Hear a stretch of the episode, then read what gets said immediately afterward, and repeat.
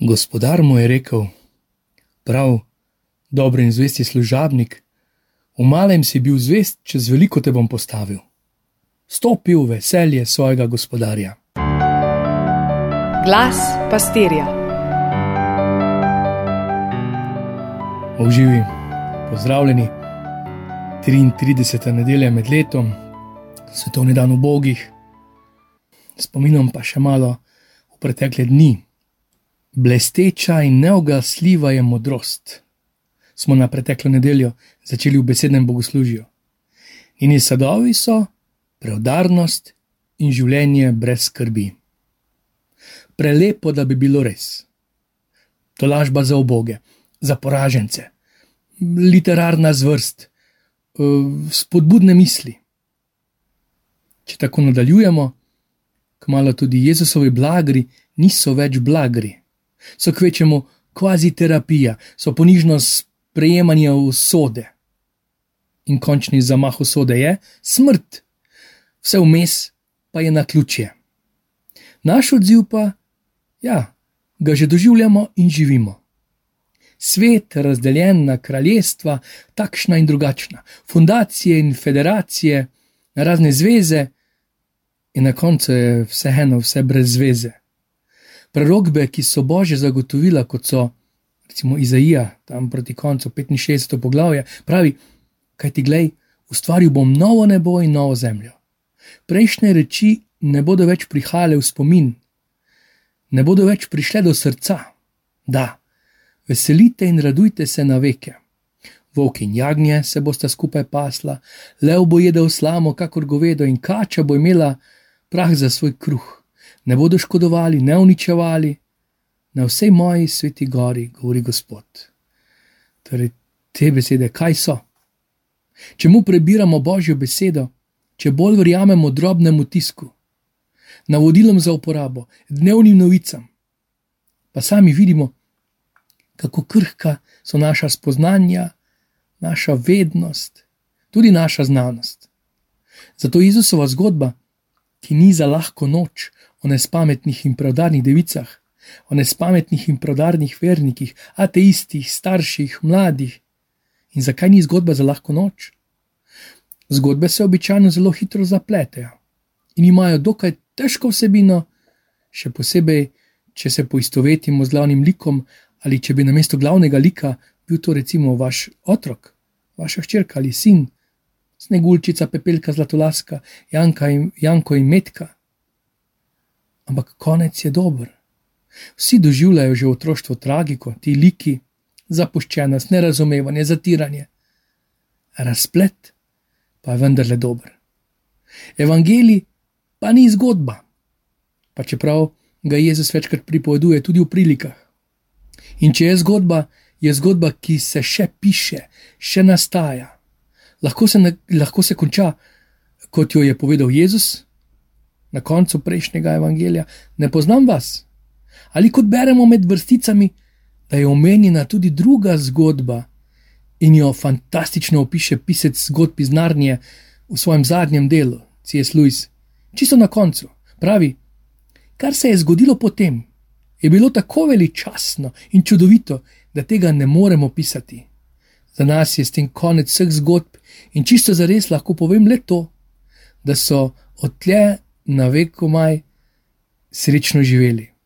Toda za nje je bil to šele začetek resnične zgodbe. Vse njihovo življenje je na tem svetu in vse njihove dogodivščine v Narni so bile zgolj ovitek in naslovna stran. Zdaj so začeli pri prvem poglavju velike zgodbe, ki jih nihče na zemlji še ni bral in ki traja večno. Zgodbe, v kateri je vsako poglavje lepše od prejšnjega. Na kratko, to je zgodba preudarnih devic. Zgodba znanih in neznanih svetnikov, mnogih tihih, služečih, zvestih, ponižnih, iz srca ljubečih, so močjo verujočih, v upanju pogumnih. Ob čem ti zapoje srce?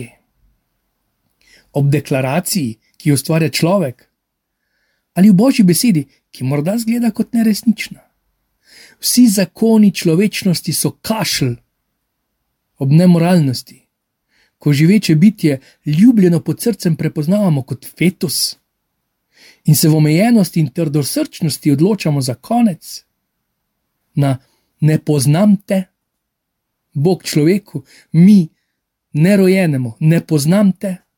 In tam je jok in škripanje zobmi, to je evangelij. Še vedno pa veselo oznanilo, ki spregovori tudi na pokopališču, ko vse drugo utihne. Ker je beseda, ki se je učlovečila, večna, je postala meso in postala umrljiva, šla skozi ogen smrti in bila prepoznana kot ljubezen in življenje. O tem prerokuje Izaija več kot sedem stoletij pred Kristusom. O tem govori Jezus na hribčku blagrov, o tem govorijo oči mučencev, ki so zazrti v nevidno, njihovih očeh pa se lesketajo pogledi svetih in angelov, ko jim je dano videti nebesa, kar spomnimo se Štefana in pre mnogih mučencev. To je evangelij, to je zgodba danes, ki jo živimo nespametni ali preudarni. Prijeli smo življenje, čas, talente, sposobnosti, darove, želje, krepenenja, družino, ljubljenje, mm, sposobnosti učenja, spoznavanja, odpuščanja, upanja, verovanja, tudi vse materialno zdravje. Vsak od nas je torej prejel vsaj en talent, pa vemo, da smo jih več. Samo za boljšo predstavo in razumevanje te ponovne zgodbe, ki pa je dejansko vsak dan živimo. Nekdo se rodi v družini, kjer mu je kakor poslano, drug se mora za vse boriti. Nekdo je uspešen v šoli, drug ni. Nekdo se sooča z boleznijo, drug jo pozna samo po bližnjih. Kdo je srečen, nekdo ni. Nekdo doživlja blagoslov, drug ne verjame v blagoslov. Torej, čudna razporeditev talentov in darov, ki nam jih naklanja življenje ali usoda ali kruti Bog.